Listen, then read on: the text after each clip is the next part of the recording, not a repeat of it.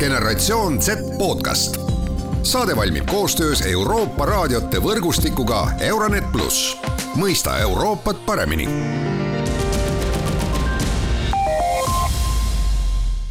tere, head Gen Z taskuhäälingu kuulajad, mina saatejuht Mart Valner ja tänases saates räägime sellest, mida noored peale ülikooli teha tahavad. mul on hea meel, et äh, minuga ühines äh, Bettina Päri, Tartu Ülikooli tudeng, äh, kellega mul oli võimalik rääkida sellest, kuidas noored vaatavad just seda osa peale keskkooli lõppu, mis nüüd paljudel ees on ja kas ja kuidas vaadatakse ootustega ette ülikoolile või tahetakse kõike, ehk siis kuulsust, raha ja mida muud maailmal pakkuda on. vaadates kogu seda protsessi, mis on peale kooli lõpetamist ja kus tulebki see koht, eks ole, et kas ma lähen nüüd ülikooli, kas ma lähen nüüd tööle, kas ma teen midagi äh, muud sellist äh,. Kui, kui sulle endale, mis see kõige esimene vaade on, kas peale keskkooli on kohe äh, selline tahaks, paneks kohe akadeemiliselt edasi või, või vaadatakse, vaatavad noored, et noh, läheks, teeks kuskil mingisuguse vaheaasta või prooviks kuskil restoranis pool aastat töötada või mis iganes mm. -hmm. Äh, kui ma nii palju, ma omast kogemusest saan rääkida, siis äh, äh, mina täheldasin, et gümnaasiumi lõpus kõik äh, nii-öelda paisutasid üle või nagu kõik rääkisid oma visioonidest ja nii-öelda unistustest, et ja, et ma lähen välismaale või et alustan oma ettevõtet ja plaanid olid kõigil väga suured, aga lõpuks siis, kui see nagu kooli lõpetamine kätte jõudis, siis äh, väga paljud ikkagi leidsid, et äh, kõige lihtsam ja mugavam on hetkel jääda Tartu Ülikooli, eriti kui nad sisse said, siis kuna see on ka nii hea ülikool, eks ole mm, -hmm. on kindlasti ka nagu see otsus põhjendatud, et äh, enda sõprade hulgast ka paljud läksid ülikooli, aga paljudel kindlasti Äh, käib peas ka selline mõte, et äh, võiks alustada mingit oma ettevõtet, aga selleks on muidugi mingit kapitali vaja ja kui noh, tegu ei ole, tegu on noore inimesega, kellel ei ole enda sissetulekut, siis äh, selle otsimisega kindlasti kaasneb ka murekohti. aga. Ma, ma kohe siinkohal, kohal selles mõttes natuke sõidan vahele. See, et ma hakkan ettevõtjaks kohe peale kooli, see ei ole Äh, no mina lõpetasin keskkooli praeguseks viisteist aastat tagasi, tol hetkel küll ei mhm. olnud seda, et hakkaks, äh, hakkaks kohe nüüd ettevõtjaks. kuidas see tulnud on? ma saan aru, et seal on takistusi, aga. ettevõtja all ma võib-olla siis täpsustan mõtlema just seda, et kõik tahavad hakata siis just interneti teel või sotsiaalmeedias eeskujul siis looma mingit sisu. Et sellega just endale nagu sissetulekut tekitada ah,. et hakata nii-öelda influencer iteks? jah et see on nagu äh, noh, väga keeruline valdkond muidugi, kust läbi lüüa, sul peavad olema äh, väljapaistvad ideed, aga lihtsalt äh, osad näevad ka seda nagu tuleviku väljavaatena, et miks mitte, miks mina ei peaks sellega hakkama saama, et ei näe akadeemilist eluviisi kui ainsat teed okei okay., selle jaoks ei ole ju vaja endale mingisugust haridust ega midagi, sellega saab tegeleda juba kõige muu kõrvalt, eks ole. jah, aga noh, muidugi yeah, äh, kutseharidus on ka osade jaoks äh, atraktiivne ja see on täiesti mõistetav, sellepärast et kui ei olegi soovi jätkata mille, mingis akadeemilises valdkonnas, siis äh, saab palju kiiremini, kiiremini endale kutseõppe kätte ja sisenemine tööturule toimub ka palju kiiremini ja inimesed, kes soovivadki tööle minna, neil on nagu väga võimalik ka edukalt seda teha. mis on kutsehariduse maine praegu noorte seas? Äh, mina ütleksin, et see maine liigub äh, hetkel ikka tõusvas joones, et äh, päris mitmeid erialasid on, mida saab kutsekoolis õppida, millel on ka väga hea maine, näiteks radioloogiatehnik, mis teenib ka päris korralikku, korralikku sissetulekut ja ma ütleks, et selles eas vähemalt, kus mina olen, ei, ei kritiseerita seda enam nii palju, kui kellelgi ongi kutseharidus ülikooli hariduse asemel, et.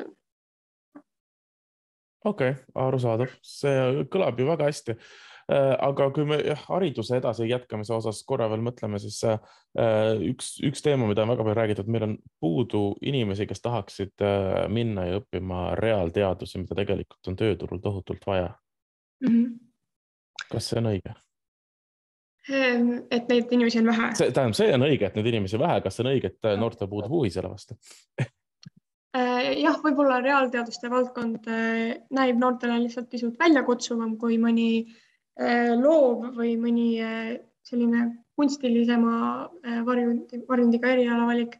aga ma ütleks ka seda, et hiljuti on ka rõhutatud, et selliseid reaalteaduslikke valdkondi võivad äh, tulevikus ka nagu neid lahendusi võivad leidma hakata ka arvutid või selline tehisintellekt ja siis äh, rõhutataksegi rohkem, et inimesed peaksid äh, suunduma loovat, loovamatele erialadele, sest see on see, milles inimesed head on ja mida nagu arvutitel on keerulisem üle võtta mm. -hmm.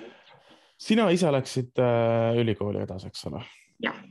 õpid praegu õpin hetkel äh, keeleteaduse valdkonnas. kas sa näed oma tulevast karjääri ka selles samas äh, keeleteaduse valdkonnas? või see lihtsalt äh,, ma saan mingi diplomi ja siis lähen, noh, teen midagi, hakkan influencer'iks ikka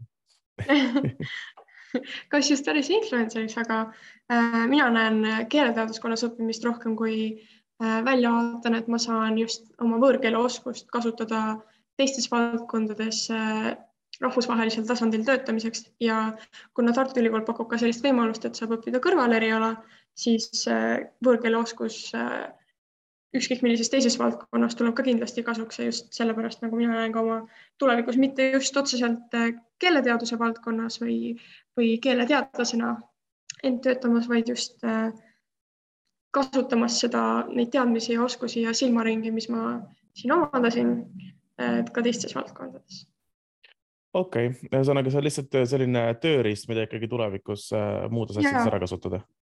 jah, äh, sest et paraku äh, jah, keeleteaduse valdkonnas on äh, päris erialaseid väljavaateid äh, suhteliselt vähe arusaadav, aga kui sa üleüldse vaatad oma tulevase karjääri peale nüüd natukene ette oma, oma peas või oma mõtetes, noh, ütleme nii, minuvanused äh, töötavad äh, neli-viis aastat ühe koha peal ja siis vahetavad minust, äh, minu vanemate vanused tihtipeale lähevad kuhugi tööle ja siis nad töötavad seal ja siis nad mm -hmm. lähevad pensionile.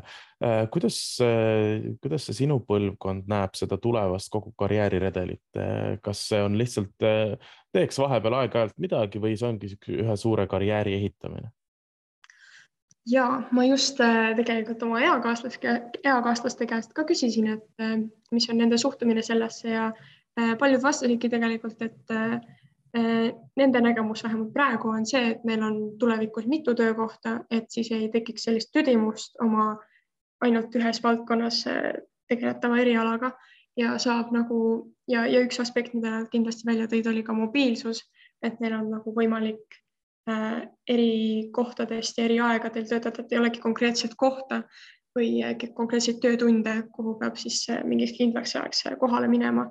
ja see võib ka noh, paljuski olla tingitud sellest, et tegemist on ikkagi, me oleme generatsioon, kes pidi veetma mitu kevadet karantiinis, nii et kodukontori variant ilmselt paistab ka sellepärast paljudele atraktiivne ahah, ühesõnaga tahaks olla põhimõtteliselt äh, freelancer, kellel ei ole äh, kohustust olla äh, üheski konkreetses töökohas, kellel ei ole konkreetset tööaega ja kes saab tegeleda täpselt selle projektiga, mis teda hetkel kõige rohkem huvitab.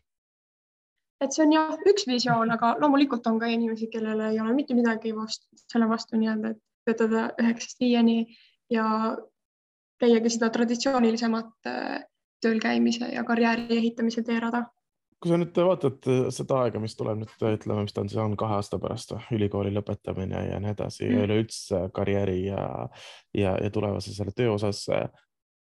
kas seal on mingi hirm ka, et või, või kartus, et kuidas ma sinna tööturule sisenen?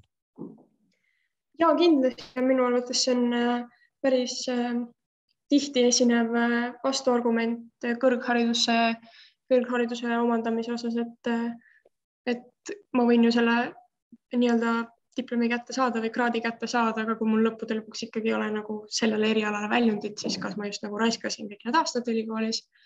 aga äh, mina ütleksin, et äh, kõrgharidus on igal juhul kasulik ja ütleme vahend siis, äh, mida tööturul kandideerimisel just äh, teiste inimestega konkureerides äh, on väga tulus kasutada, et tihtipeale kaasneb ka sellega palgaerinevus, kus on mingi kindel paber ette näidata. ja samuti noh, kõik, kõik see silmaring ja äh, suhtlus eakaaslastega ja, ja ka tutvused, mis sa tulevikuks ülikoolis saad, on kasulikud. ning äh, jah, ma ütleksin, et kindlasti midagi külgedelt maha küll ei jookse ja pigem ikka, pigem ikka tulla ja äh, vaadata, mis ülikoolil pakkuda on. Generatsioon Z podcast. saade valmib koostöös Euroopa raadiote võrgustikuga Euronet pluss, mõista Euroopat paremini